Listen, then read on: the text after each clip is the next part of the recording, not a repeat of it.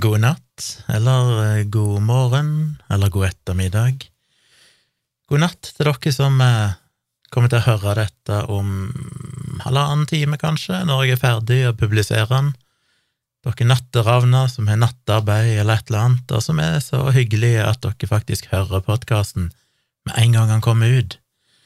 Men det krever jo at dere følger med på Patron, da, for det er jo kun der han kommer ut med en gang, uten reklame så er det vel noen som hører han kanskje på morgenen, men så dukker han jo opp offentlig på ettermiddagen klokka tre cirka. Da kan alle andre høre han, så hvis du er en av de som ikke støtter meg inne på Patron og får han tidlig, så eh, god ettermiddag til deg. Hvis du hører dette med en gang. Det er kanskje ikke den øverste, den podkasten som er høyest prioritert i køen, men Men ja, men ja, men ja, men ja, det er det jeg alltid sier. I dag har jeg bare jobba, jobba, jobba, jobba, jobba med bare dill. Sånn überkjedelig jobb som eh, Det er liksom to typer jobber som programmerer. Det ene er den delen der jeg utvikler nye ting, som er gøy. Sitte og være kreativ, produsere noe nytt som kundene blir glad for eller forbedre et eksisterende system med litt hardcore programmering som krever mye tenking og prøving og feiling og sånn, men det er iallfall noe som gir resultater.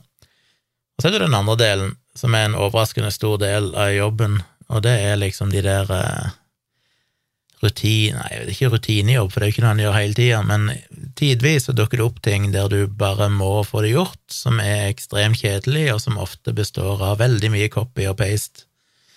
I dette tilfellet så har jeg sittet og endra noe i koden til Newsflow, som er den nettavisløsningen jeg har laga, som jeg leverer i firmaet mitt. Og av og til så må du gjøre en endring som egentlig omfatter hele koden, og det er en stor kodebase. Og så er det å prøve å gjøre så mye du kan på automatikk med search and replace, men det er ofte litt kompliserte ting, så en kan ikke stole helt på det, så mye må gjøres manuelt, og du må gå gjennom hundrevis av filer og tusenvis av linjer og bare sitte og glane gjennom og endre en variabel her og der og fjerne en parentes og Åh, det er altså så pirkete arbeid, og da må du bare jeg har ikke hatt på musikk, jeg har ikke hørt på noen ting, sitter bare i total stillhet, kikker inn i skjermen og bare graver gjennom filer mens jeg sitter og copy-paster og fjerner og sletter og legger inn noe nytt.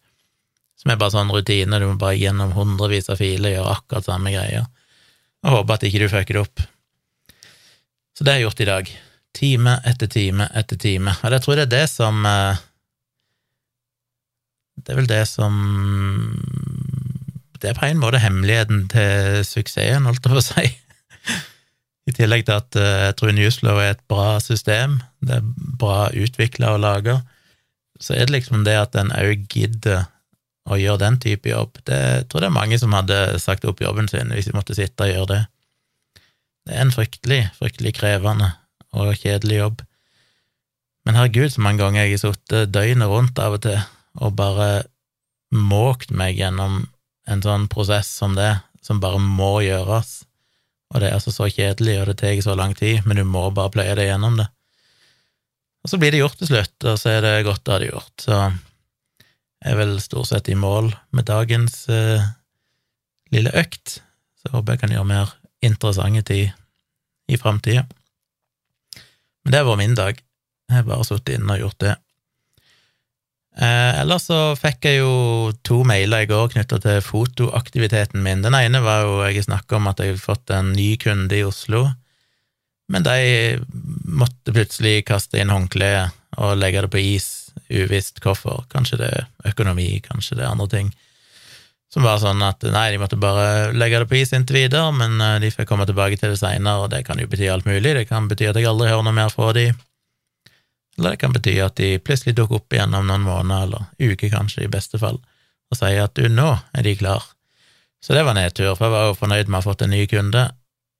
Den positive var at jeg samtidig fikk en mail ifra en annen eh, restaurant, egentlig ikke en restaurant, men en sånn eh, skal du kalle det, eh, mange små matboder som er under samme tak, som hadde et reklamebyrå som driver markedsføring for dem, og de hadde sett mailen min som jeg sendte ut for en måneds tid siden, eller noe sånt, med reklame, og var interessert i det og hadde noen spørsmål og sånn, så jeg svarte på dem.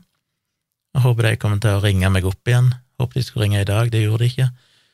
Men det hadde vært virkelig gøy, for uh, der er det òg Det er liksom så mye forskjellig under samme tak der.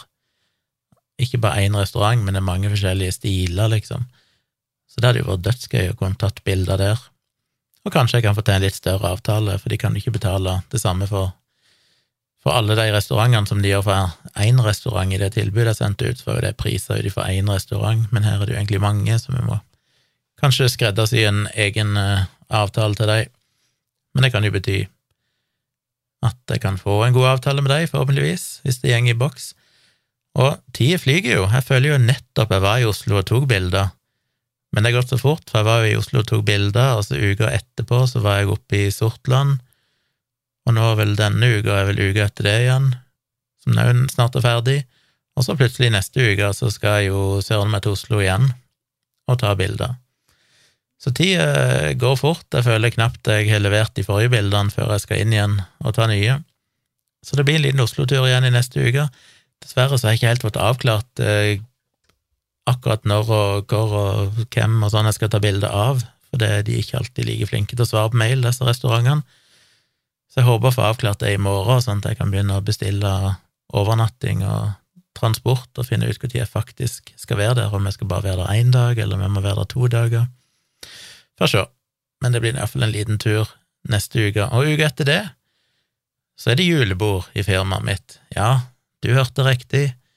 Vi pleier å ha et veldig forsinka julebord som eh, pleier å være i mars, slutten av februar eller mars, og det er rett og slett fordi vi er jo, som dere kanskje har fått med dere, så er vi ansatte spredd rundt i hele landet. Det ikke så svært, vi er basically tre ansatte pluss et styre og regnskapsfører og sånn. Men vi sitter på tre helt forskjellige deler av landet. Så det er ikke så ofte vi samles alle sammen, og siden vi må ha en generalforsamling i året og liksom godkjenne regnskap og alt mulig sånn, så eh, kombinerer vi det med julebord. Og regnskap er jo ikke ferdig før i februar, som regel. Eh, så da blir det sånn, da. Vi kombinerer det. Så vi pleier å ha et julebord, som vi kaller det, selv om det er vel en årlig samling, kanskje.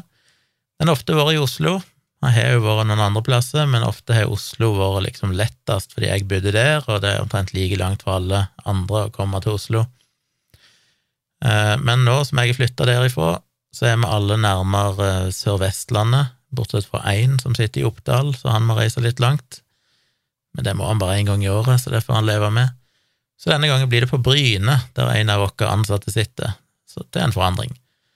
Så det blir en uh, hel dag med møte, generalforsamling, styremøte, planleggings, arbeidsmøte, alt dette kommer å kalle det. Og så blir det litt sightseeing på Bryne, kanskje.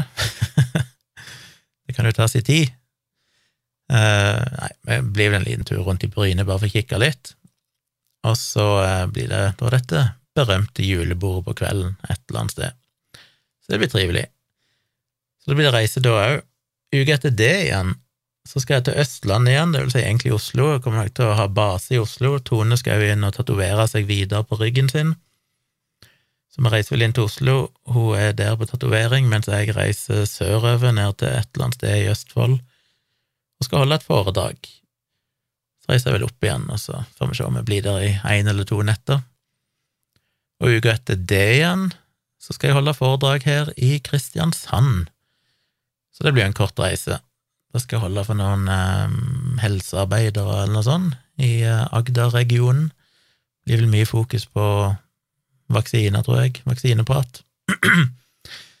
så det er godt å ha noe å gjøre i mars. Fra april så begynner det å bli rolig igjen. Da er det ingen foredrag booka eller noen ting, så ja, hvis det er noen som ønsker foredrag, så får de ta kontakt. Enten det er om vaksiner eller konspirasjonsteorier eller eh, kritisk tenking generelt, eller eh, vitenskapsformidling, skriving, blogging, whatever. Jeg synes det er gøy å prate om ting og tang. Så ta gjerne kontakt hvis det kan være aktuelt. Det kan være både for skole og firma og bibliotek og organisasjoner og hva som helst. Så det var vel litt av det som skjer. Jeg har jo fortsatt ikke fått noen faktura fra elektrikeren, den berømte elektrikersagaen, der vi hadde elektrikere i november i fjor. Fikk en regning til slutt i midten av januar, sånn halvannen måned etter de hadde vært der, som jeg òg syntes var seint, som var hårreisende stor, og jeg ikke syntes sto i stil til den jobben de hadde gjort i det hele tatt. Klagde på den, litt fram og tilbake tolka det som at de aksepterte innvendingene mine og ville senke prisen, men de rakk ikke å sende det før helge, sa de, trodde de. De skulle prøve, men de trodde ikke de rakk det. Og den helge der, den var jo for en måned siden, eller noe sånt. Og fortsatt har vi ikke fått noen faktura. Så mm, gudene vet, det virker ikke som det er så mye system. Jeg tror ikke de har helt kontrollen der borte. Kanskje det skyldes sykemeldinger på grunn av covid, gudene vet. Kanskje det er en en grei forklaring. Jeg, er jo ikke, jeg ivrer jo ikke etter å betale den regninga, så det er for så vidt greit nok for meg, men uh, jeg er jo fortsatt nysgjerrig på hvor stor regninga blir når de får endre litt på den. Jeg håper jo at jo lengre tid det går, jo mer tenker de at ja, ja, det er ikke så nøye, altså bare får vi en grei pris. Få se. Jeg skal holde dere oppdatert hvis det dukker opp noen fakturaer fra elektrikeren. Jeg tror det var all uh, tompraten min uh, for i dag. Jeg har noen ting jeg vil snakke om noe som blir litt uh, tankerant, og noe som er litt mer håndfast. Det første jeg vil snakke om, som en del av dere sikkert har fått med dere, er jo denne, disse to nye studiene som er kommet, som har sett på denne lab leak-hypotesen rundt opprinnelsen til SARS-CoV-2. Og de to studiene de peker jo begge veldig tydelig i retning av, ikke overraskende, at det kom ifra dyr, og da spesifikt dette markedet i uh, Wuhan. Dette, ja, wet market, eller der de selger alt mulig av grønnsaker og kjøtt, og òg levende dyr, og òg dyr som kanskje ikke skal selges, og så videre. Som dere har hørt om. Og det har vært en, en, stor debatt eh, de siste par årene angående det. Som er litt rart, fordi det har jo aldri vært noe evidens for at det skulle ha dukket opp i dette her uh, forskningslaboratoriet. Selv om jeg skjønner at det selvfølgelig er spennende å tenke det, for det, hva, er, hva er tilfeldighetene for at de driver og forsker på koronavirus akkurat der, så nærme der eh, de første tilfellene ble oppdaga? Kan det være at det lakker ut? Kan det være at de til og med har laga det, at det var genetisk modifisert virus, et eller annet konstruert av mennesker som ved et uhell, eller med vilje, fordi Kina ville skape helvete? mange rare teorier der ute. I realiteten så er jo alt av evidens så langt, selv om det ikke har vært noen sånn veldig Det ikke var noen sånn uh, Hva heter det uh, Å, oh, kommer ikke på uttrykket. Står helt stille for meg. Men det har iallfall ikke vært noe sånn endelig uh, spiker i kista for hvor dette kommer ifra. Men SARS-CoV-1, eller det opprinnelige SARS-viruset, det kom jo ifra dyr, fant de ut. Det tok noen år å finne det ut, men det fant de ut. Og vi vet jo at uh, mange av de virusene som har starta pandemier, og generelt sett nye virus hos mennesker, veldig ofte kommer ifra dyr. Så det har jo vært den mest nærliggende teorien, spesielt når de da driver og handler med disse dyrene på det markedet, som vi vet òg kan uh, inneholde eller kan bli smitta, eller kan eh, være host eller verter for dette viruset. Så det har Det blomstra vel opp igjen i fjor høst, fjor sommer, så begynte det å bli en stor debatt igjen, der det nesten virka som at de som var tilhenger av denne laboratorielekkasjehypotesen, mente at nå var det slam dunk, at eh, det var de som eh, hadde rett hele tida merkelig, egentlig, fordi det var jo ikke dukket opp noen ting som helst av ny evidens. Det var bare blitt litt ny interesse for temaet, og plutselig så følte folk for å si at ja, vi hadde rett hele tida. Men det fantes jo som sagt ingen ny evidens som tyda på det. Nå derimot er det jo kommet to gode studier, og det har jo vært litt underveis, altså like etter at jeg tror allerede 1. januar for pandemien ble vel erklært, eller de første signalene om dette nye viruset dukka vel opp 31. desember i 2020 Nei, 20, nei 2019. Eh, etter de hadde hatt noen smittetilfeller. Og så allerede 1. januar, vel, så stengte de vel dette markedet. Og da var det jo der veldig kort tid etterpå, kinesiske eh, forskere, og tok prøver rundt forbi. Men innen de kom, var alle dyrene fjerna, alle de levende dyrene og sånn. Men de tok nå prøver av vegger og avføring og bur og overalt rundt forbi på dette markedet, og de dataene ble vel ikke offentliggjort. Og så, ja, så skjedde det ikke så mye på den fronten før i fjor sommer. Da var jo den her amerikanske delegasjonen på besøk i Kina for å etterforske dette mer, og kom vel ikke med noen skikkelig konklusjon, de heller. Det var liksom ikke nok data. Men da kom det vel noe av de dataene fra de prøvene de hadde tatt rundt forbi. Men nå har vel alle de dataene kommet, og så har en jo da gjort en enormt imponerende systematisk jobb med å kartlegge alle smittetilfellene ifra desember 2019 eh, rundt Wuhan, i og rundt Wuhan, på en måte funnet ut når de dukker opp, og alt dette her, og så kan du da, hvis du går inn og kikker på de artiklene og, og ting jeg skal lenke til i shownotes, blant annet en artikkel i New York Times og òg et par Twitter-tråder som er litt mer detaljerte, går mer inn i studiene hva de faktisk fant, som dere kan lese hvis dere er interessert. Og de har jo litt sånn kart og sånn som viser sånn heatmaps, som viser hvor det var mest smitta, sånn, eh, lagt over et eh, kart av byen, der du ser at alt sentreres ned på dette markedet, da, i Wuhan. Og så er det jo flere som har sagt at ja, men det trenger jo ikke bety at det hadde sitt opphav der, det kan jo bare bety at det kom ifra et annet sted, men så har noen en eller flere smitta personer kommet til det markedet, og siden det er mye folk der, så har kanskje flere blitt smitta, og så er det spredd seg ut derifra igjen.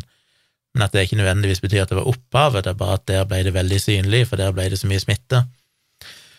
Men de har jo òg andre data som underbygger eh, den hypotesen da, om at det egentlig hadde sitt utspring der. Det ene er vel at det dukka opp at det er funnet to forskjellige varianter av SARS-CoV-2, som da ser ut til å ha kommet fra dyrene, at eh, det har vært i de dyrene såpass lenge at det har spredt seg i to varianter, og de første smittetilfellene da kom allerede i november 2019, mener de, og så ble de vel først oppdaga utover i desember. Eh, og det virker òg usannsynlig at det skulle ha kommet, eh, siden det er både denne A- og B-varianten. Hvis ikke de hadde sitt utspring der, så virker det usannsynlig at de skulle finne begge de tilfellene i så høy konsentrasjon akkurat der, at alle smittetilfellene med både A og B er sentrert akkurat rundt markedet. Eh, hva mer er det? Ja, De har jo funnet ut at både de tilfellene som har en direkte link til markedet, altså folk som ble registrert som smitta, og som hadde vært på markedet. De hadde jo òg en tydelig kobling til markedet i avstand og alt dette her, men òg de tilfellene som ikke hadde noe kobling til markedet. Hvis du ser på distribusjonen av de rundt i Wuhan, så ser du at de òg ligger nærmest markedet og utover, som da òg tyder på at de må ha blitt smitta av noen ifra markedet, mest sannsynlig. Uh, ja, det er vel de tingene primært som gjør at de ser at dette er Uansett hvordan du vrir og vender på det, så, så sier de at, at, det skulle være en statistisk tilfeldighet, at den fordelingen er sånn. At du kan òg se på det tidsmessig, at de tidligste tilfellene er nærmere markedet enn senere tilfeller, at du på en måte ser det spre seg utover ifra markedet. De har jo sett på de testene som ble tatt inne i selve på markedet, i disse bygningene, disse store hallene, og da vet de, selv om de opprinnelig ble benekta at det var noen levende dyr der og sånn, så dukka det jo etter hvert opp bilder tatt uh, akkurat de dagene, eller den perioden der smitten oppsto, av uh, bur og sånn i markedet der det faktisk ser at det er levende dyr. Og jeg tror de identifiserte, uh, hva var det, jeg husker ikke tallet, var det 49 eller noe sånn, forskjellige dyrearter som de vet ble solgt på det markedet, ikke bare levende, da, men òg slakta dyr som de vet kan eh, være verter for dette SARS-CoV-2-viruset, altså dyrearter som også kan bli smitta av SARS-CoV-2, som kan ha SARS-CoV-2 i seg, så det var et rikelig potensial for at det skulle kunne være den type virus, at det skulle komme ifra dyr. Og når de har gjort disse prøvene, så kan du også se i den New York Times-artikkelen, så er det sånn diagram over bygningene, du kan se hvor, de, hvor i disse bygningene de fant spor av SARS-CoV-2, og du kan se at det er høyest konsentrert rett akkurat der som de burene med de levende dyrene var. og så blir det mindre og mindre positive prøver jo lenger vekk du kommer fra de burene med levende dyr, eh, med blant annet uh, uh, ja, raccoon, nå står det stille for meg, er det? Raccoon. Uh, uh, Jeez. Må ikke spille inn så seint på natta. Jeg er jo ikke hjerne til å huske noen ting. Og hunder og andre dyr som var funnet der, da.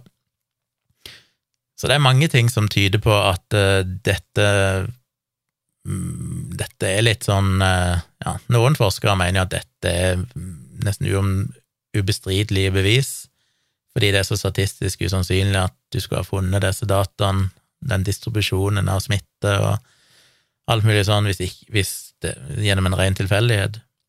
Mens andre mener at uh, ja, det er jo interessante data, men det er ikke bevis godt nok. Så det er klart, vi vet ikke noen ting 100% sikkert, men som jeg sa allerede for eh, sikkert over et år siden, hvis du skal velge mellom på den ene sida å ha denne laboratorielekkasjehypotesen, og på den andre sida at det kommer fra dyr og dette markedet, så er du ganske rar hvis du velger den laboratorielekkasjehypotesen, fordi der finnes det jo ingen dokumentasjon, ingen bevis som peker i den retning. Den hypotesen er jo egentlig bare drevet av at hm, det virker rart at det skulle være et laboratorie akkurat i nærheten, og så egentlig ikke noe mer enn det. Men du kan òg snu på det og si ja, men det er jo nettopp fordi det er en del av de koronavirusene at de har et laboratorie der. Det er jo derfor de har det laboratoriet der, nettopp fordi at det er et område med nettopp eh, ja, at det er mest sannsynlig det er der de har mest kompetanse, det er der de kan finne det i naturen, alt dette her. Så det blir jo på en måte å snu hele argumentasjonen på hodet når du prøver å plassere det, si det motsatt. Uh, jeg snakket vel om det i den videoen jeg lagde for mange måneder siden her i fjor en gang, om falske skeptikere, som er nettopp det at eneste grunn til å, å tviholde på denne laboratorielekkasjeideen er jo at du vil være kontrær, at du er en av de som alltid må være Som faller for konspirasjoner, som bare syns alltid det er mye mer spennende med hvis det hadde vært sånn og sånn, heller enn å se hva dataen egentlig viser.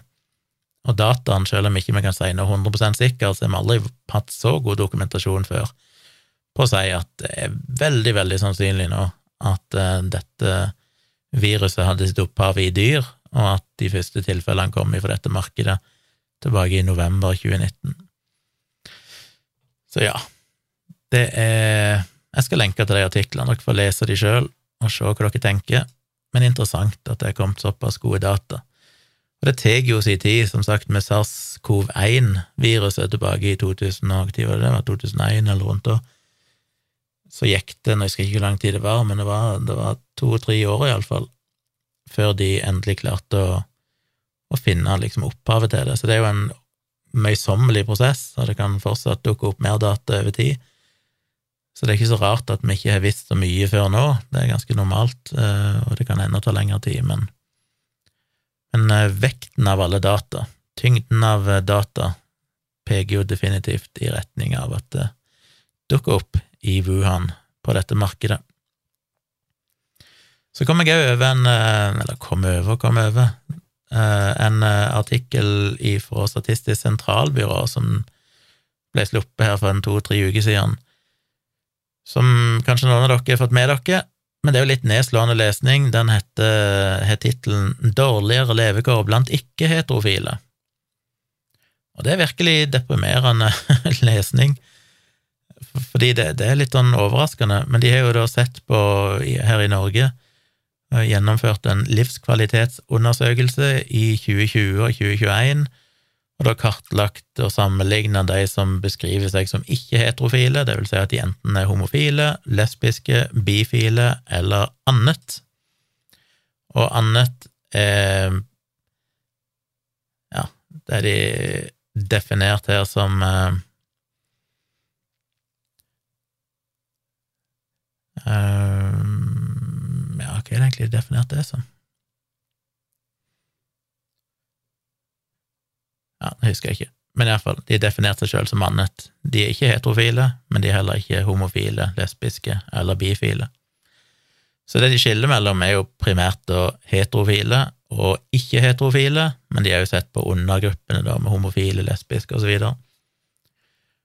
Og det de finner, eller det første de finner, da, er at 4,4 svarte at de var ikke-heterofile, etter den definisjonen som ble brukt her. Eh, gruppen med bifile er størst, de utgjør 2,2 av utvalget. De som er svart homofile eller lesbiske, er 1,2% og andre ikke-heterofile utgjør 1 og Det er jo egentlig et lavere tall enn det jeg trodde. Jeg vil alltid innbilt meg at opp mot en 10% av befolkningen er ikke-heterofile, men det forklares kanskje litt bedre hvis du ser lenger nede i artikkelen, så står det jo at i gruppa 18 til 24 år så er nesten 11 ikke-heterofile. Og spesielt eh, mange bifile, da over 7% av de kaller seg bifile. Men hvis du ser på de, den eldste aldersgruppa, 67 til 79 år, så er det kun 1,5% som sier at de er ikke-heterofile.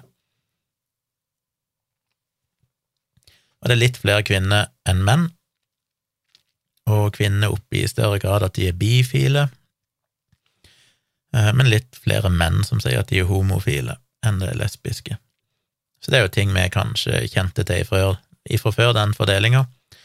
Så jeg vil tenke meg at når blant de yngste at 11 kaller seg ikke-heterofile, så er det vel mest nærliggende å tro at det nok er mest sannsynlig, fordi nå hos unge så er det jo mye mindre stigmatisert å, å stå fram enn det hos eldre, så det er nok en store mørketall i de eldste, høyeste aldersgruppene.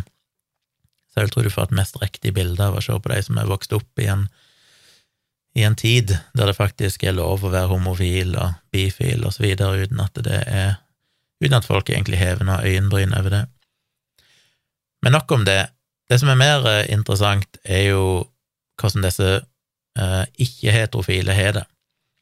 Og det er jo ikke så bra, eller det er jo alt det ja, På noen tilfeller så er det jo definitivt ikke bra, på andre så er det ikke de store forskjellene, men allikevel så er det konsistent, sånn at de som er ikke-heterofile, er oftere arbeidsledige, de er oftere uføre og ikke i stand til å arbeide.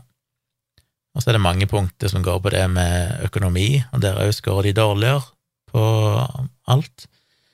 Eh, oftere problem med ting som støy i boligen, støv, lukt og forurensning, kriminalitet, vold og hærverk i nærområdet, eller i boområdet eh, mer urolig for vold og trusler der de bor, og så òg dette med dårlig eller svært dårlig helse.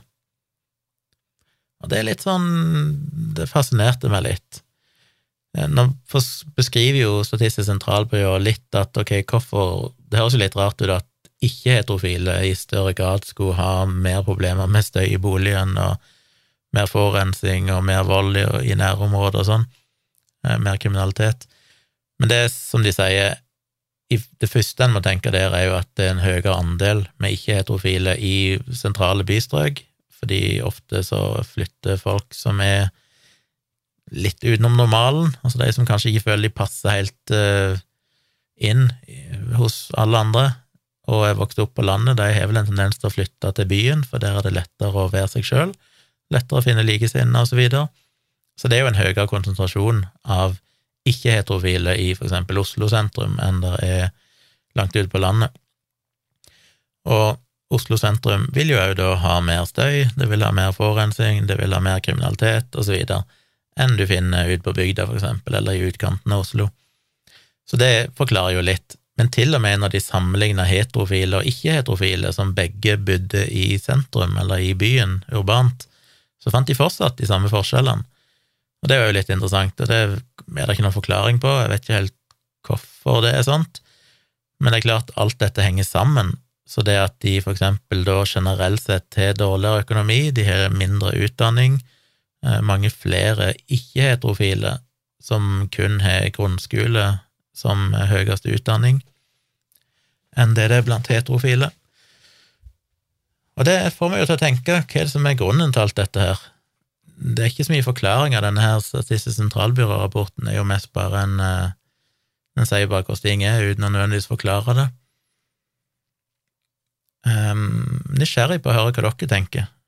Og det er mulig det har vært skrevet og snakka om dette som ikke jeg har fått med meg. Det har jeg garantert ikke fått med meg, for jeg har egentlig bare lest selve rapporten. Men det en kan begynne å tenke på, er jo selvfølgelig sånne ting som at uh, for eksempel hvorfor er de dårligere helse i mye større grad? Nå er det selvfølgelig litt variasjoner mellom uh, homofile, lesbiske eller bifile eller annen ikke-heterofil orientering.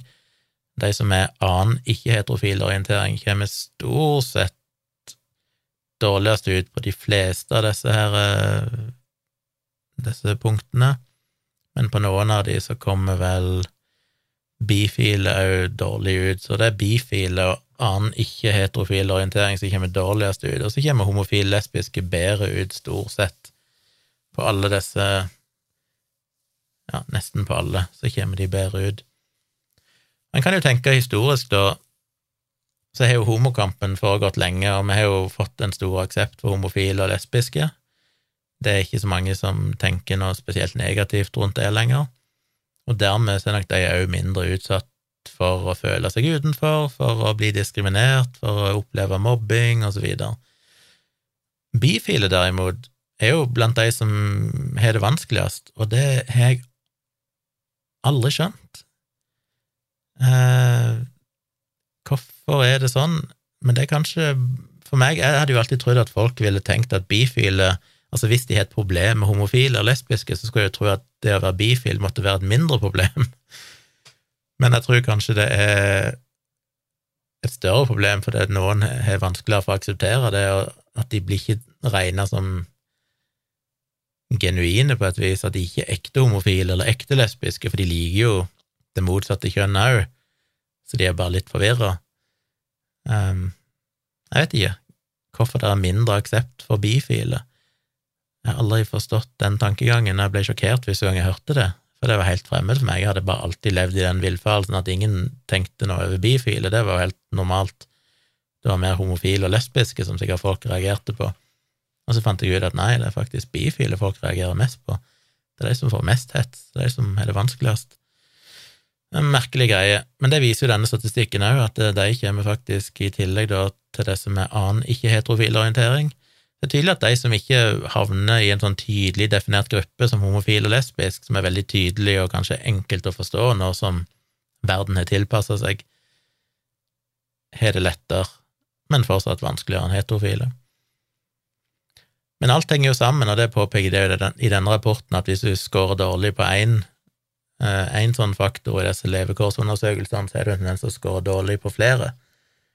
Så hvis du for eksempel har dårlig helse, så er det jo naturlig nok kanskje ofte dårligere økonomi òg, og det kan òg føre til at du da vil være mer plaga med å måtte Du bor kanskje i, et dårligere område som er litt billigere, men der det kanskje er mer eh, forurensning, eh, mindre trygt, alt dette her. Så det er klart, sånn sett så kan en tenke seg at det at de som er ikke-heterofile, faktisk sliter mer med støy i boligen og alt det der, er bare en konsekvens av at de har dårlig økonomi, som kan være en konsekvens av at de har dårligere helse. Men det jeg ikke skjønner, det er hvorfor det er en sammenheng mellom dårlig helse og det med å være ikke-heterofil. Den mest nærliggende forklaringen er jo selvfølgelig at ok, dette er folk som er vokst opp med mye mobbing, for eksempel, blitt dårlig behandla foreldre, som en konsekvens, eller som et resultat av at de er De er liksom annerledes, de passer ikke helt inn i, i normen av hva det vil være å være gutt eller jente i sin oppvekst. Men det kunne jeg kanskje trodd mer for 30 år siden. Sliter litt med å se det nå. Eh, men mulig jeg er naiv der. Så tenker jeg òg, kan det være den motsatte effekten, at de som er har dårligere helse, ofte regner seg som ikke-heterofile, ikke at de er homofile eller lesbiske, men kanskje i større grad bifile, eller definerer seg bare som noe annet, fordi at det å vokse opp eller det å leve med dårlig helse gir deg et litt annet perspektiv, gir deg en litt annen syn på prioriteringer og kanskje det å følge normen, at det blir mindre viktig for deg fordi du er falt utenfor på et vis uansett. Eh, det blir jo bare spekulering, men det, det resonnerer jo litt med med det jeg alltid har følt når jeg blir kjent med folk. Jeg har jo stort sett data damer opp gjennom tidene som har hatt eh, som har ganske tung bagasje å bære med seg. Og det er jo ikke noe bevisst valg, det er ikke noe sånn uh, uh, savior-kompleks, for det, som regel så vet jeg jo ikke det om disse folkene før jeg er blitt kjent med dem, men det er jo noe i oppførselen deres før jeg blir skikkelig kjent med de som tiltrekker meg, noe i måten de ser verden på. Jeg har jo sagt dette til det kjedsommelige, men jeg har jo bare aldri Jeg har vel aldri noen gang liksom hatt et forhold til noen som som har gått en eh, Som har hatt en lykkelig oppvekst og tatt seg en master på et eller annet sted og har en god og trygg jobb, og alt er, alt er på stell, som de skriver på Tinder. Jeg har aldri resonnert med sånne folk. Det er ikke det at jeg aktivt har unngått de, men jeg, jeg vet ikke jeg, jeg, tror aldri jeg har fått til noe kommunikasjon med den type mennesker, fordi jeg har jo en tendens til å snakke om litt sære ting, ting som de som kanskje har levd et A4-liv, syns er sånn 'Å, dette kan vi ikke snakke om, og dette har jeg aldri tenkt på, og dette er ikke interessant'. Eh, de som heller vil bare gå på ski på hytta på Geilo og, og liksom den stilen. Mens jeg eh, jeg har jo tendens til på første date å trekke fram de mest upassende temaene. Skremme vekk alle. Men det er jo det jeg alltid har likt med folk da, som har en del bagasje, for de, min erfaring er jo alltid at de er mye mer sånn open-minded generelt sett, enten det gjelder seksualitet, eller det gjelder bare holdninger til en del sånn samfunnstema, enten det er Ja, jeg skal ikke komme med eksempler, men, men mye forskjellig som jeg òg syns er veldig interessant å diskutere, ting som jeg har blogga om, og, og da liker jeg de folkene bedre. Og det henger kanskje sammen med at de da ofte Jeg mener, ta sånn som polyamorisitet, eller folk som er kinky. Veldig ofte så er jo det folk som òg er mer Igjen, dette har jeg ikke noe data på, men min erfaring er jo at folk som gjerne har litt bagasje, oftere er åpne for den type ting som åpent forhold eller polyamorositet eller litt mer spesielle eh, seksuelle fetisjer og sånne ting. Og det gjør vel òg at du kanskje får et mer avslappa forhold til det å utforske sex og relasjoner med ikke bare det motsatte kjønn, men òg være litt mer open-minded der. Så det er mulig, mulig, det kan være en forklaring. Det er min hypotese at hvis du er vokst opp og hatt det vanskelig av helse, for eksempel, og husk at helse kan jo òg være en konsekvens av at du har hatt det vanskelig på andre områder. Du har hatt en vanskelig oppvekst, du har kanskje vært utsatt for mobbing, du har kanskje hatt eh, foreldre som ikke har vært helt eh, optimale, som påvirker din psykiske helse og alt dette her. Og den type mennesker er mitt inntrykk eh, er ofte mer open-minded, mer, etter mitt syn, mye mer interessante mennesker og dermed er de kanskje òg har kanskje større tendens til å definere seg som noe annet enn bare heterofil. Og så henger alt sammen. Så det er min hypotese. Jeg er nysgjerrig på å høre hva dere har å si om det. Jeg lenker til den rapporten i shownotes, så får dere jo, jo se på det. Men det er jo En annen måte å se på den rapporten er selvfølgelig er det noe vi som samfunn gjør galt. Skyldes dette diskriminering fortsatt? Skyldes det at de får dårligere behandling eh, i helsevesenet. Det vet vi ikke ting om, eller jeg vet iallfall ikke noe om det. Jeg skal ikke si så mye om den sida av saken, for det har jeg ikke, noe, ikke noe data på for meg nå, men det kan jo selvfølgelig òg være et aspekt. Eh, men jeg tror ikke det er så enkelt som å si at de som ikke er heterofile, har det vanskeligere fordi de blir trakassert og mobba og alt det der. Det er selvfølgelig én faktor oppi alt dette, men jeg tror nok den er mindre. Jeg har mer tro på den uh, årsakssammenhengen som jeg snakket om i stad. Men ja, jeg vil gjerne ha andre synspunkter, så send mail til tompratpodkast at gmail.com hvis dere har tanker rundt det, eller har artikler eller et eller annet som drøfter disse tingene. Så er jeg nysgjerrig på å høre mer om det. Eh, det dukka jo opp i, på Facebook-feeden min, så dukka det opp en artikkel nylig på subjekt.no som er skrevet av uh, Jon Gulbrandsen, og det var tydeligvis del av en serie artikler som er kommet. Subjekt.no er jo, som noen av dere vet, han Pål Henrik Hagen, var det han heter, som skrev en artikkel der om covid i Afrika, som jeg tilfeldigvis bare så. Noen delte på Twitter eller et eller annet tilbake i fjor høst. Så skrev jeg en kritikk av den på bloggen min, og så kom jo han da lenge etterpå med et tilsvar på subjekt.no, og så skrev jeg et svar til den igjen i bloggen min, og midt oppi alt dette så hadde jo jeg òg det utspillet i media om at jeg ikke var interessert i å skrive i avisene, fordi de spekulerer i å sette idioti på trykk for å, å få nettopp den type debatter. Så Pål Henrik Hagen skrev sine artikler på Subjekt, jeg skrev mine svar på bloggen min, han fikk sikkert mange flere lesere, for det er subjektet er mange lesere, bloggen min er ikke så mange lesere lenger. Eh, så var det jo folk som lurte på hvorfor publiserer jeg ikke tilsvarende mine på Subjekt, og da forklarte jeg jo det som jeg ranta mye om i fjor, at det blir å gi etter, det blir å fòre monsteret, som jeg kalte det. Det monsteret som rett og slett er den strategien enkelte redaktører har med å slippe gjennom hårreisende idiotiske leserinnlegg fordi de vet det vil skape debatt, og da får de masse klikk og engagement, og de får òg masse tilsvar, så de får masse gratis innhold, så vi har jo en slags markedsøkonomi som belønner det å ha en dårlig journalistisk eller dårlig redaksjonell standard for hva som kommer på trykk. Og så dukka denne artikkelen opp, og så skrev jeg en tweet der jeg skrev at noe sånt som at subjekt.no er steigan.no for hipstere. Og det syns jeg jo egentlig sjøl, jeg tok det egentlig på kornet. Det er jo egentlig akkurat det det er. Det er en nettavis for de kontrære stemmene. Det er sikkert mye bra på subjekt.no òg, for all del, men det er et eller annet med at redaktøren i subjekt.no har vært ute flere ganger i forskjellige saker, og det bærer så åpenbart preg av at det er sånn vi tør der ikke andre tør, og vi tør å sette på trykk det som andre ikke tør å si. Og det blir jo et sånn talerør for det som jeg hater mest av alt i verden, som nettopp er de folkene som tror de er interessante og smarte bare fordi de har en mening som er stikk i strid med all evidens. Og det elsker jo et nettsted som subjekt. Så denne artikkelen skrevet av Jon Gulbrandsen er jo eh, en oppfølger til ei som heter Silje Skjevik, som er psykolog, tror jeg, som først gikk ut og, og kritiserte det med at sånn som Robert Malone og enkelte andre hadde blitt fjerna fra Twitter og sånn fordi vi trengte en åpen samfunnsdebatt og bla, bla om disse tingene.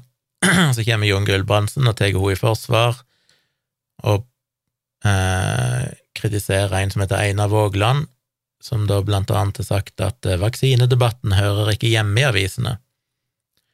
Og han mener jo at, Rob, at folk av Robert Malones kaliber bør holdes ute av debatten fordi de ikke er i takt med resten av det vitenskapelige miljøet, fordi de mangler tillit til myndighetene. Og han mener at disse debattene bør foregå i fagfellevurderte tidsskrifter som jo er 100% riktig, akkurat det samme jeg òg mener. Når folk sier at skal det ikke være lov å diskutere disse tingene, og det er ikke ytringsfrihet, jo, det er det, men det må skje på riktig arena. Vitenskapelige debatter om vaksiner og virusvarianter og alt dette her må skje i faglige miljø, og så må de beste dataene på en måte myldre, eller hva heter det, sive opp til overflata. Eh, men når disse debattene blir holdt i offentligheten, der 99,9% av de som engasjerer seg, ikke er kompetente til å forstå de, så fører det jo bare til at utspill som Robert Malone kommer med, blir sett på som en sannhet, og ender opp med vaksinemotstand og konspirasjonsteorier. Han måtte gjerne deltatt i den debatten på en faglig plattform, der han kunne blitt imøtegått av andre eksperter, men der vet han jo at han ville blitt sabla ned med en gang, for han har jo ikke evidens, alt det han kommer med er jo tilbakevist for lenge siden. Så han velger jo heller å gå til for eksempel podkaster, og da velger han selvfølgelig ikke podkaster der han blir utfordra av andre kompetente folk, han velger podkaster der han har sånne eh, rævslikkere som Joe Rogan og co., som bare syns det som sitter med en stor ereksjon når de har en person som er kontrær som gjest, som kan si noe som er komplett uvitenskapelig, men høres spennende ut, for det kommer jo fra en fagperson. Og det ødelegger alt. Så jeg er helt enig med Einar Vågland men han her Jon Gulbrandsen, han eh, tar jo da Skjevik sitt parti, Silje Skjevik sitt parti, og støtter henne og mener at eh, ja, det er så idiotisk. Og så kommer da Skjevik igjen med en eh, ny tekst der for et døgn siden, og så er jo han Vågland da skrevet, og han syns jeg skriver fornuftig, som sagt. Han har jo blant annet påpekt at denne Gulbrandsen selvfølgelig er jo da òg en klimarealist hos Resett, selvfølgelig er han det, uh, og egentlig bare serverer en hel haug med påstander. Han hevder jo blant annet at vaksinasjonsgraden er proporsjonal med dødsraten. Så han har altså ikke skjønt uh, noen ting i det hele tatt, og slukt alle sånne idiotien om værstater og sånn som blir misbrukt, som er et godt eksempel på at denne debatten ikke bør foregå i offentligheten, fordi hvis ikke du skjønner hva som er problemet med de påstandene og kildene han eventuelt måtte lenke til, så blir du dummere enn det du var før du leste artikkelen. Men poenget mitt er jo det at hvorfor er disse tingene på trykk i det hele tatt? Og det er jo det òg eh, han Einar Vågland sier. Han sier jo, og det var så deilig å lese, for han sier jo egentlig akkurat det samme som jeg har påstått tidligere. Han skriver mot slutten Hvor er redaktøren? Selv åttendeklassinger som skriver stil, må legge ved referanseliste. Hvorfor slipper Gulbrandsen og Skjevig? Eh, og så skriver han vel også tidligere Gjennom årene har jeg blitt kastet ut fra utallige fora for å påpeke feil. Det har vært nok, nok å ta av, alt fra klimaskepsis til rasisme, og selvsagt vaksineskepsis. Dessverre er overlappen mellom disse i fagfeltene stor, for det er stort sett de samme menneskene som faller ned i alle kaninhullene. Og det er ikke uventet, fellesnevneren er manglende kompetanse på å tolke tall og fakta. Eh, så skriver han innledningsvis at uh, biolog Jon Gulbrandsen slenger ut påstander uten dokumentasjon i sitt innlegg i Subjekt 28. februar, mange av dem er feil, og redaktøren lar dem passere. Som jo er hele fuckings poenget mitt, som jeg rante om i fjor høst. Det er så åpenbart at subjekt.no slipper gjennom disse artiklene totalt uten å faktasjekke, akkurat som med Pål Henrik Hagen, fordi hvis de hadde faktasjekka de, altså jeg forventer ikke at redaktøren skal ha kompetanse til å vite om alt som blir skrevet er 100% riktig, og det skal selvfølgelig være lov å ha meninger som ikke nødvendigvis er helt uh, uh, På områder der vi ikke nødvendigvis vet svaret, så er det lov med divergerende meninger. Men når du kommer med påstander som så åpenbart er feil, og ble tilbakevist liksom i april 2020, og ingen vitenskapspersoner, bortsett fra noen ytterst få kontrarianere, er enig i, så bør en ha fått det med seg, når til og med liksom NO i Norge har debunka de for lenge siden. Så velger allikevel subjekt.no å slippe det gjennom fordi de vet at det kommer til å bli debatt av det.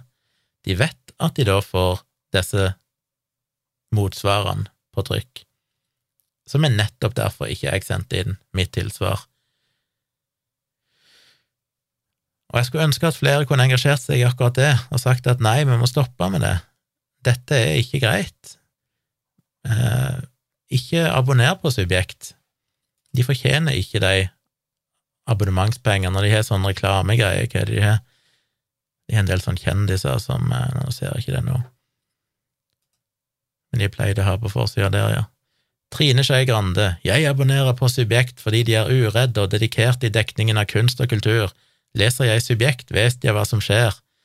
Ja, kanskje de er flinke på kunst og kultur, men hvis du vil lære noe om vaksiner, så bør du ikke lese Subjekt, for det jeg har fått med meg der så langt, har jo bare vært rent vås.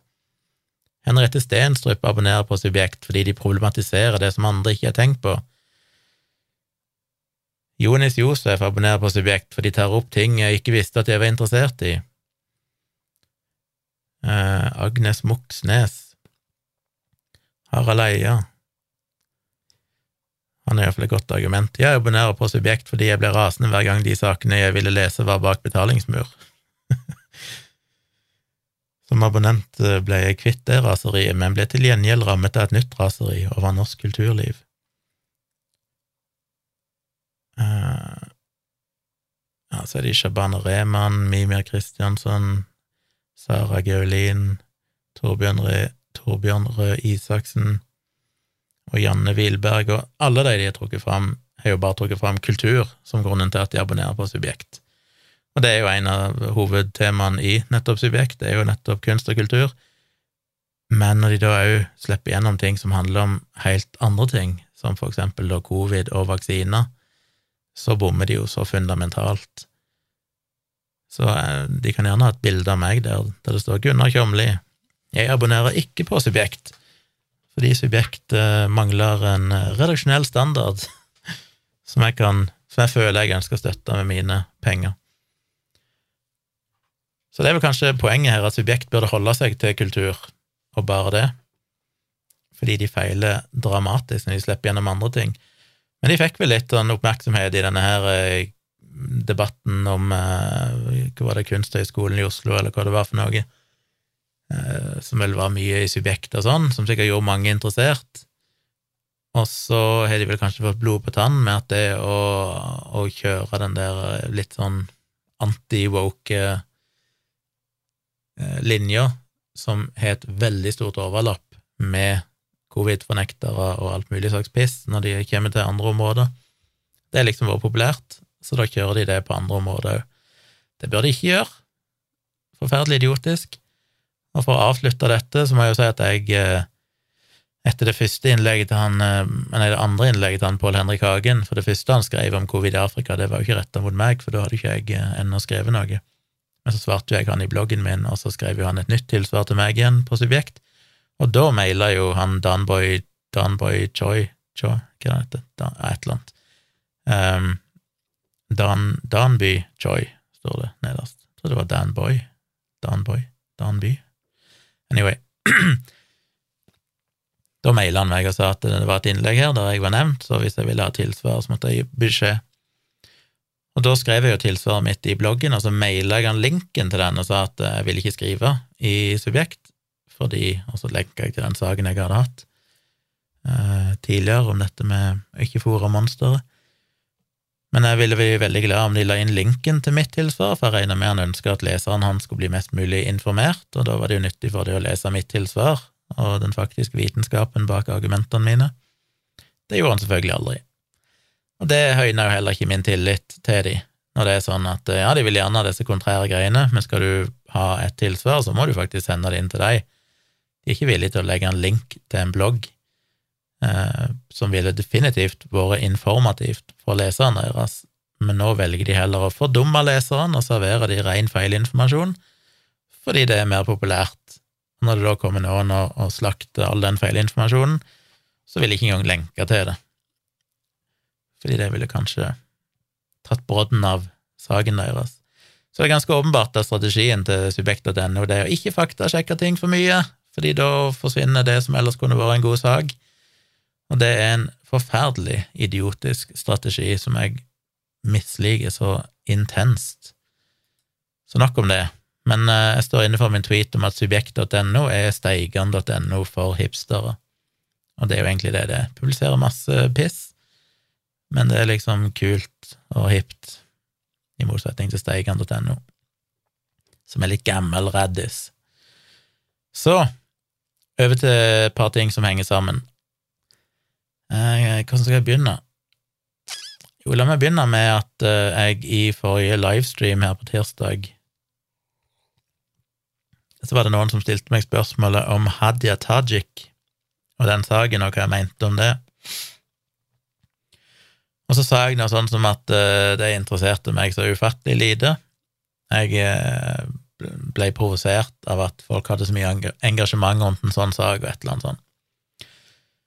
Og så kom det en kommentar eh, under videoen dagen etterpå eller sånn, fra en av mine faste seere som sa han, som tydeligvis ikke hadde sett på live, men hadde sett opptaket, og sa at han ble sjokkert over å høre meg sånn han tolka det, og mene at eh, det at politikere driver med korrupsjon og svindel og alt mulig sånn, at det er uinteressant, og at det er idiotisk å bry seg om det fordi det er jo ting som fører til politikerforakt og svekkelse av demokrati og sånn. Og så svarte jeg han og forklarte at poenget mitt ikke at det er en ubetydelig sak, eller at det er dumt at eh, det blir reaksjoner på det. Poenget mitt er at det får uforholdsmessig mye mediedekning når det er mye, mye viktigere ting som skjer her i verden.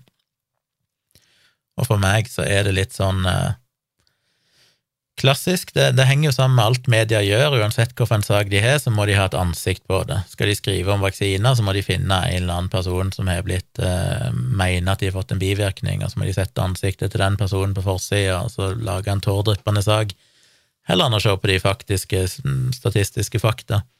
og vise at dette neppe er sant, og uansett er det ekstremt uh, liten risiko. Så dette med å ha et ansikt og det å knytte en sak til en person er veldig viktig for media generelt sett. Det er jo derfor vi har influensere og alt dette, det er derfor det er så mange av de samme trynene som går igjen, fordi folk trenger noe kjent og kjært å assosiere seg med, eller assosiere, knytte en sak til. Når det da skjer noe med en person som allerede er kjent, så er jo det slam dunk for avisene. Da er det jo bare å kjøre på. Så hvis det er en politiker som har gjort noe galt, så er jo det alt media kan be om, for da er det jo både et kjent ansikt, og det er en sak vi kan føle moralsk fordømmelse over. Og det bør vi gjøre. På ingen selvs måte riktig, det som Hadia Tajik gjorde. Men spørsmålet er, trenger det å være toppsak i avisene i liksom to uker?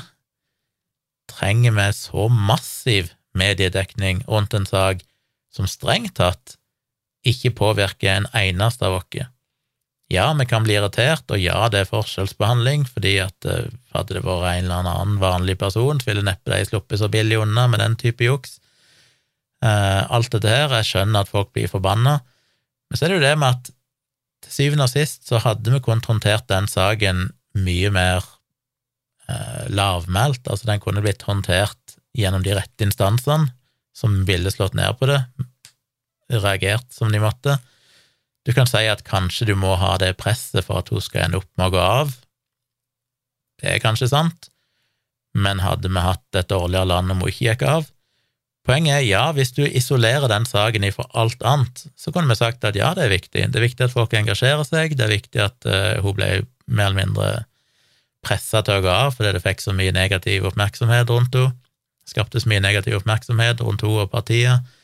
Alt dette her. For all del, det er ikke noe galt i det i seg sjøl, men i en verden der vi har så mye annet som er så mye viktigere, så klarer ikke jeg å engasjere meg i den type saker. Jeg har en sånn instinktiv reaksjon på at når det er et eller annet som stormer rundt én person, så gidder jeg ikke lese de sakene. For, for, da vet jeg automatisk at dette er sannsynligvis bare 1% så viktig som det media får det til å fremstå som. Fordi det er kun fordi det er denne kjente personen at det får så mye mediedekning. Fordi vi er mennesker, det er enkel menneskelig psykologi, vi er en art av sladrekjerringer. Vi liker å snakke om ting, vi liker å mene ting om andre, og det fenger, og det skaper engasjement. Men det må ikke forveksles med at det faktisk er så viktig. og det vil ikke jeg være med på. Eh, det er ikke noe sånn bevisst valg. Altså, I utgangspunktet er det bevisst, men det er så inkorporert i ryggmargen min nå at hver gang det har vært en sånn sak de siste par årene, og noen har spurt meg hva mener jeg om det, så er jeg alltid sånn shit, jeg har ikke fulgt med på den saken. Og felles for alle de sakene er jo at de er totalt ubetydelige i det store. Det påvirker ingen av oss. Det er ingen betydning for Norges ve og vel og hvem som har det bra og dårlig her i landet. Det er så mange andre saker som faktisk er viktige. Og jeg eh, syns jo et veldig godt eksempel på det er at eh, en annen sak var det som dukka opp midt oppi denne Haja Tajik-skandalen? Er det noen som husker det? En sak som en kanskje skulle tro var litt viktigere, og da snakker jeg ikke om Russlands invasjon av Ukraina, som jo selvfølgelig, og med rette, er toppsaken en periode. Men uh, eh, IPCC slapp jo en ny rapport. Jeg fikk med meg at den ble sluppet, jeg skal innrømme at jeg òg var for slapp, og rett og slett ikke helt uh, satte meg inn i det før nå nylig. Uh, men jeg tør jo å skylde litt på media, da. Fordi hvor mye har media dekka den andre delrapporten til IPCC som kom her for snart ei uke siden? Vel, jeg prøvde å gjøre et Google-søk som er begrensa til siste uka, på de forskjellige avisene, og fant at VG hadde to artikler, Dagbladet hadde null artikler, Aftenposten tror jeg hadde tre, jeg fant én i Nettavisen, og generelt sett var det én til to artikler i andre aviser om en sak som altså er så dramatisk, vil føre til så enormt mye større dødstall enn til og med en krig i Ukraina, selv om jeg skjønner at det selvfølgelig er viktigere akkurat nå. men iallfall så ekstremt mye viktigere enn om Haja Tajik har snylta noen skattekroner. Ja, og igjen, bare for å understreke, jeg mener ikke at en ikke skulle ha skrevet om Haja Tajik, jeg mener bare at det ikke bør være den nest viktigste saken etter invasjonen av Ukraina, i dag etter dag etter dag. Fordi så viktig er det faktisk ikke. Og hvor mange artikler tror dere er skrevet om Hadia Tajik og dette? Ja, det er ikke sjekka, men det er sikkert hundretalls. Og så får denne nye IPCC-rapporten knapt noe medieoppmerksomhet i det hele tatt. Og hvis ikke det understreker poenget mitt, så er det vel ingenting som gjør det. Fordi når folk spør meg hva mener du om Hadia Tajik, og jeg sier at nei, jeg har ikke fulgt med på det, og så er det da en IPCC-sak som ikke er blitt nevnt av media. Hvor er den saken? Jeg vil lese om den. Jeg vil lese, jeg vil ha forsidene fulle av den. Det er faktisk noe som betyr noe. Riktignok kanskje under Russlands invasjon av Ukraina akkurat i disse dager, men generelt sett så burde en sånn sak ha prega nyhetsbildet i to uker ikke Hadia Tajik. Men sånn er vi mennesker, og igjen, det skriver jeg jo om i, i håndbok i krisemaksimering, men det er jo sånn psykologien vår er. Vi sliter veldig med å forholde oss til saker som ikke har et ansikt, og som vi ikke lett kan relatere til i vårt eget liv, selv om vi teknisk sett snart burde klare å relatere til det med global oppvarming. Så hva det denne nye rapporten egentlig fant? Um, dette er jo altså en del av den Det var vel i fjor, vel, den delrapport 1 kom. Eh, så kommer det jo, jeg husker ikke hvor mange delrapporter det men eh, det er jo De har liksom forskjellig fokus, de forskjellige delrapportene. Her er det jo mest sett på konsekvensene av eh, global oppvarming, hvordan vi skal tilpasse oss, og alt dette her. Og Det er vel blant annet fem hovedpunkter som er blitt trukket fram. Og det kanskje viktigste er jo det at konsekvensene nå viser seg å bli mer alvorlige og vil skje raskere enn det vi tidligere antok. Altså ting vi trodde fortsatt lå et godt stykke fram i tid, vil nå sannsynligvis skje mye fortere. Og det skulle en jo tro var ganske verdt å ha på forsida, men det hører vi altså ingenting om. Eh, de påpeker òg at eh, vi er ikke forberedt. Vi er ikke engang forberedt på de effektkonsekvensene av global oppvarming som skjer nå, let alone det som skjer om 10 og 20 og 30 år. Og dette er jo jeg snakka om tidligere òg. Eh, dette her med at De påpeker jo at vi må begrense oppvarmingen til 1,5 grader, og for å klare det så må vi vel halvere klimagassutslippene innen 2030. Hvis vi klarer å begrense det til 1,5 grader, så vil vi minske tap og skade betydelig, men vi klarer fortsatt ikke å eliminere alle konsekvensene. Det er altfor seint.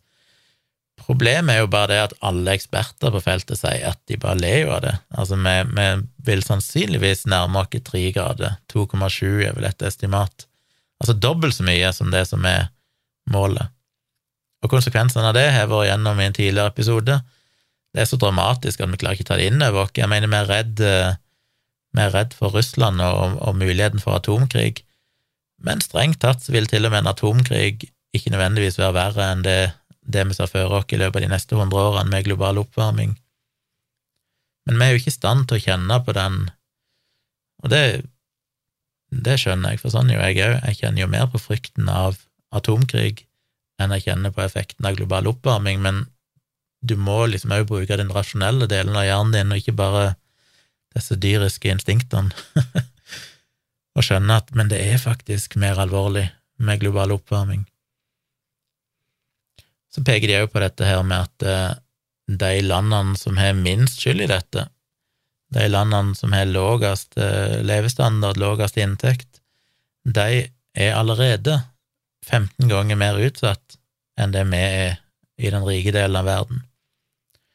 Det er altså 15 ganger større sjanse for å dø av flom, tørke og stormer hos de som bor i, i de områdene som allerede har lavest levestandard, og som i minst grad har bidratt til CO2-utslipp og global oppvarming.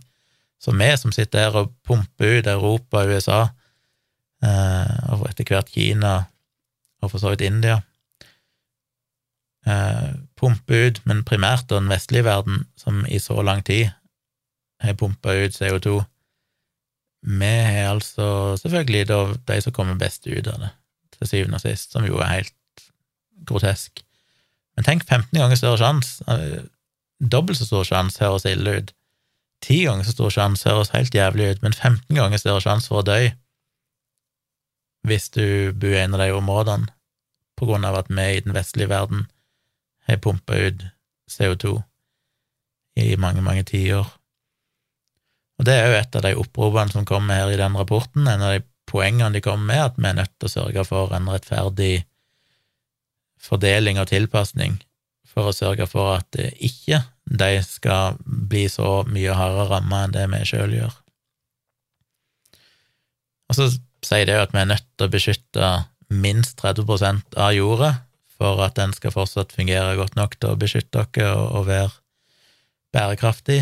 Så et sted mellom 30 og 50% av eh, naturlige områder må rett og slett beskyttes. Eh, beskytte mangfoldet, beskytte økosystemene. Det vil òg bidra da, til å, å hjelpe å forhindre, eller ikke forhindre, det klarer vi ikke, men å redusere konsekvensene av global oppvarming. Så alt av land og ferskvann og havområder, 30-50% av det, må vi virkelig beskytte framover. Og så er kanskje den viktigste poenget de har, er jo at vi har maks ti år på oss. Vi har egentlig ut dette tiåret fram til 2030 for å klare det.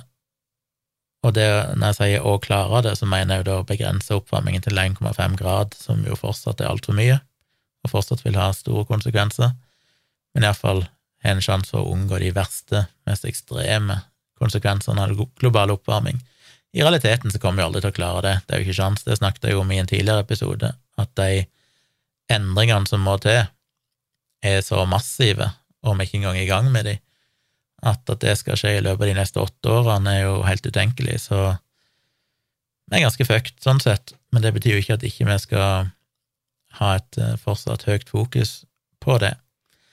På den positive sida så hadde jo nylig Steven Novella på bloggen sin en artikkel om at uh, det nå er ganske så godt etablert at det er iallfall ett lite positivt tegn, og det er at oppvarmingseffekten av CO2 uh, eh, ser nå ut til å være å vare i, i maks ti år.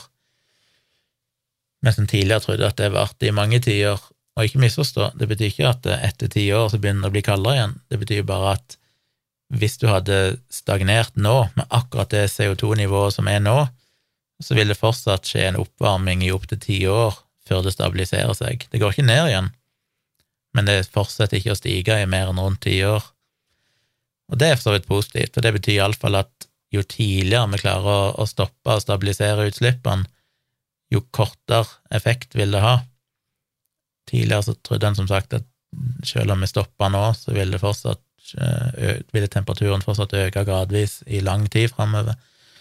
Men nå ser han ut til å være ganske enig om at den effekten bare varer i ti år, så det er iallfall positivt oppi det hele. Men eh, hvorfor nesten ingen aviser har skrevet et ord om dette, kan en jo bare lure på. Det ville jo være nærliggende å si at ja, det er jo ikke så rart, det er jo en krig som pågår i Europa nå. Det er sant, men de har hatt plass til mange saker om Hadia Tajik og den fuckings idiotiske oppi alt dette totalt ubetydelige saken som alle mener at en må engasjere seg i. Alle må skrive et innlegg om på Facebook, alle må mene noe om, selv om det ikke endrer en fnugg av realiteten for menneskene i verden. Øh. Nok om det. Sikkert noen som blir sure på meg for å ha meint dette, men uh, Ingen som hører så langt som dette i podkasten min allikevel.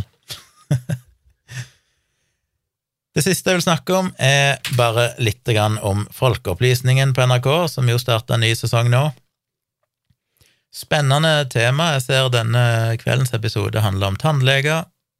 De to neste, som ligger ute på NRK nett-TV, det vil si de ligger ikke ute. Kan ikke streama de ennå, men de ligger ute med informasjon. Der ser jeg at neste skal handle om naturlig, og den tredje skal handle om trans. Og det jo, blir jo interessant i disse dager. Det er jeg spent på å se. Men jeg syns det var litt gøy med den første episoden om tannleger, for det er jo et tema jeg har vært veldig opptatt av. Eh, nå er det veldig kjedelig for de som har hørt livestreamen min og hørt meg tidligere, men eh, mange som ikke er det, så jeg må gjenta det. Jeg har jo skrevet ei bok som heter Placeboeffekten, der jeg kritiserer og ser nærmere på alternativbransjen. Og jeg har holdt mange foredrag knytta til den, og så holdt jeg et foredrag for ganske mange år siden for noe som heter For norsk tannvern, som er en sånn forening av uh, tannleger og tannlegeorganisasjoner, jeg vet ikke, jeg husker ikke. Masse tannleger, iallfall. Og etter jeg hadde holdt foredraget, så var det jo en fyr som kom opp til meg, altså en da som jobber som tannlege eller i det systemet, og sa at uh, han håpte alle skrev ei bok, ei tilsvarende bok som placebo-defekten om tannleger, for der var det mye snusk å grave i sånn. og jeg ble litt sånn wow, det var litt overraskende å høre fra en tannlege sjøl. Men da sa han jo det til meg at, uh, at det er, har vært et problem, for det at uh, fra 80-tallet og framover så har jo antall hull sunket betydelig, fordi vi begynte med fluortannkrem og mindre godteri og mange ting, vi er blitt mer bevisst tannhelse. Så det er rett og slett blitt mindre og mindre for tannlegene å egentlig gjøre, og derfor har de òg begynt å gjøre veldig mye som sannsynligvis ikke er nødvendig. Så i dag så driver jo tannleger med alt mulig rart, og du har jo det dilemmaet at når du er hos tannlegen, og tannlegen sier ja, nei, jeg tror det er et begynnende hull her, vi bør nok ta det, eller du må fjerne tannstein, eller du må ha ei bru her, eller du må ha ei krone her, eller Så er jo ikke vi rusta til å si imot. Så er det bare sånn, ja ja, hvis tannlegen mener det, så er det vel det best, da. Og så koster det mange tusen kroner.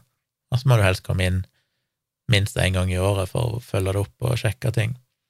Men vi har jo ingen forutsetninger for å vite om det er nødvendig. Eh, så det har jo engasjert meg litt, og jeg har nevnt det noen ganger, og jeg jobba jo i Teddy TV med sesong 6B, altså andre halvdel av forrige sesong. Da var jeg ansatt der som researcher og jobba med tre episoder der. Og da var det jo mye sånn eh, snakk om hvilke andre tema kan vi lage episoder om, og sånn.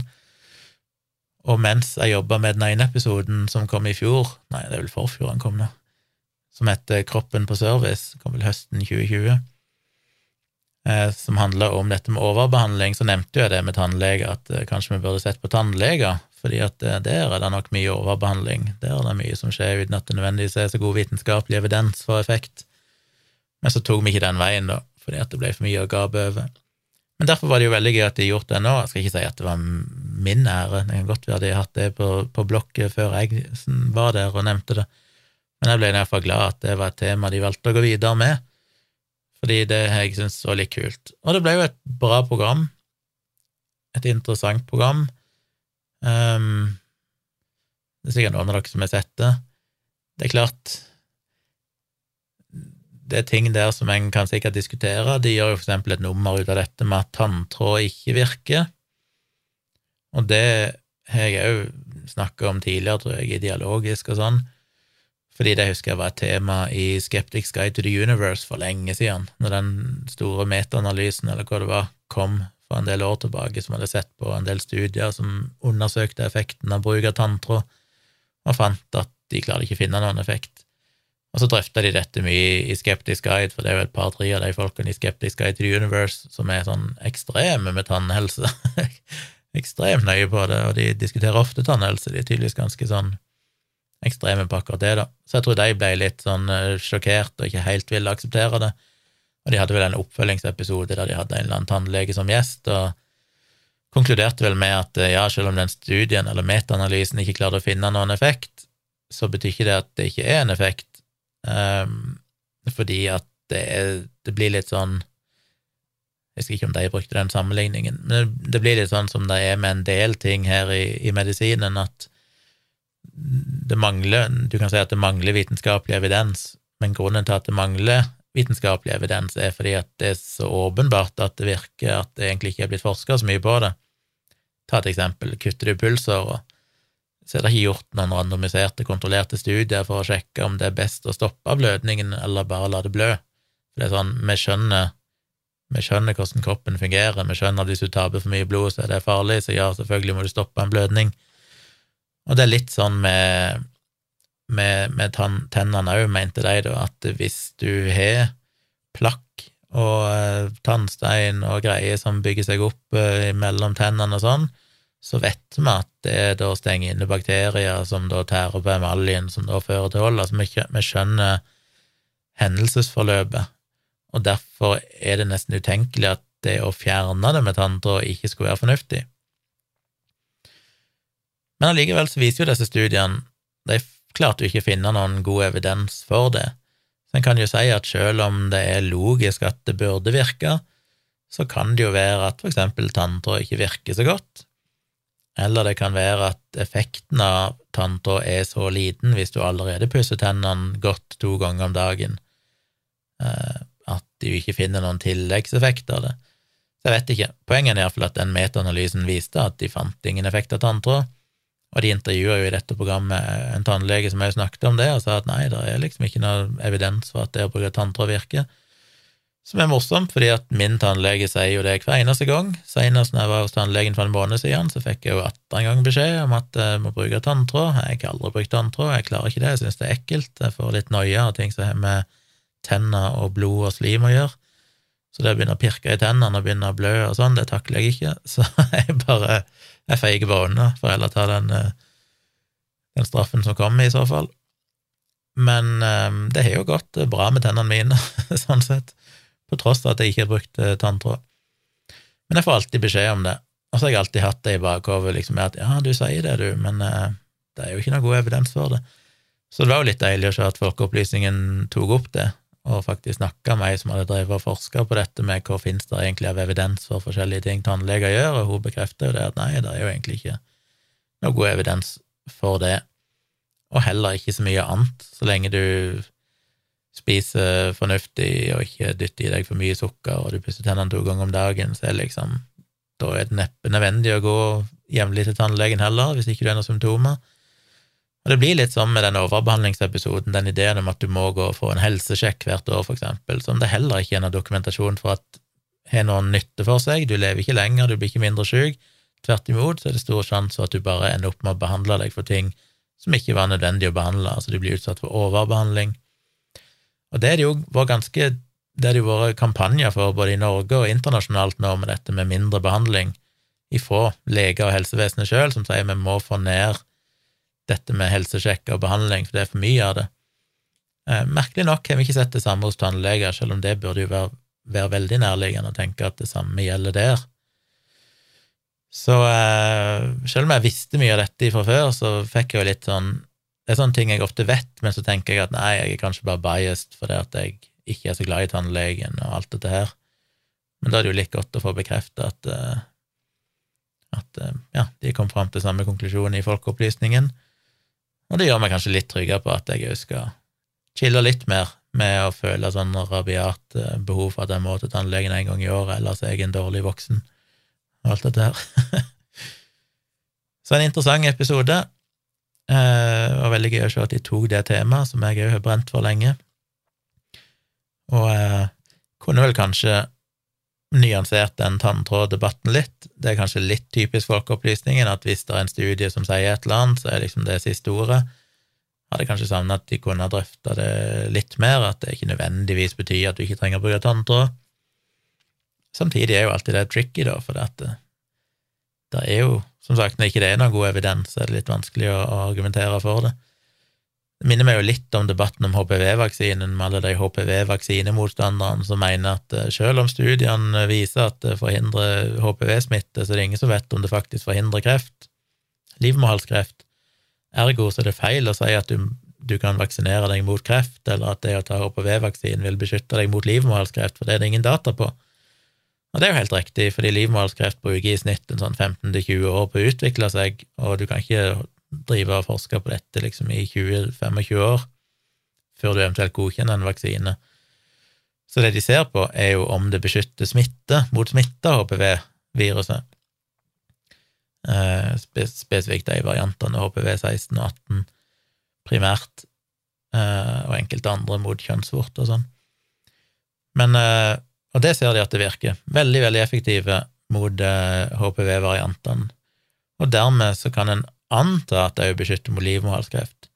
Du kan ikke si det med sikkerhet, for vi har ikke hatt data på det. Nå har vi jo egentlig det nå, fordi ingen av de jentene som var med i de opprinnelige forsøkene, som var de første som fikk vaksinen, ingen av de har endt opp med å få livmorhalskreft eh, i tid etterpå, og det er statistisk sett ekstremt usannsynlig hvis ikke vaksinen faktisk beskytter mot livmorhalskreft.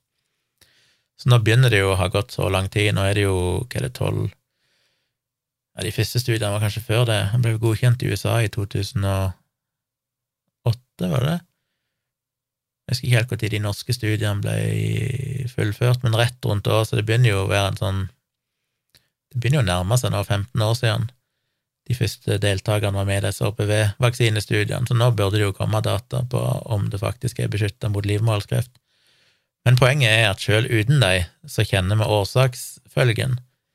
Vi vet at du må først bli smitta av de virusene, og de fører jo til de aller, aller fleste, 99 eller sånn, av livmorhalskrefttilfellene skyldes jo HPV-virus. Og da kan en jo anta at hvis du da klarer å begrense smitten, så vil du òg begrense antall krefttilfeller. Så du trenger ikke å se det endepunktet med kreft for å kunne anta at det er sannsynlig, når du, vet, når du ser det endepunktet før, som er at det begrenser smitte. Og litt sånn er det kanskje med tanntråd òg. Um, så lenge du ser at det faktisk fjerner plakk, og så videre, så kan en anta at det òg fjerner risikoen for hull, og så videre. Så kanskje de kunne ha drøfta det litt mer nyansert i denne episoden, men, uh, det ble det ikke. Jeg vet jo sjøl hvordan det er, jeg har jo sittet i redaksjonen der og vet hva for et helvete det er når det er så mye en skulle ha sagt, men så har du bare 25 minutter eller sånn i en episode til å få fram ganske mange ting som ofte kan være ganske komplekse, og du må kutte veldig mye av nyansene i det for å i det hele tatt få sagt noen ting fornuftig, så jeg vet jo hvordan det er. Det ble vel en episode enda en gang. Det er blitt seint. Her sitter vi midt på natta. Takk for at uh, du hører på. Støtt meg gjerne inne på patron.com slash tjomli. Der dukker denne episoden opp om uh, ikke så mange minutter, helt uten reklame. Og for dere andre så dukker han opp fredag ettermiddag 4. mars. Og til dere som hører han seint, så får jeg jo bare ønske dere god helg. Det er jo ganske vårlig her, her er det meldt fint vær, så jeg skal kose meg i helge, tror jeg. Så skal jeg kose meg i Oslo i neste uke, hvis jeg kommer meg der.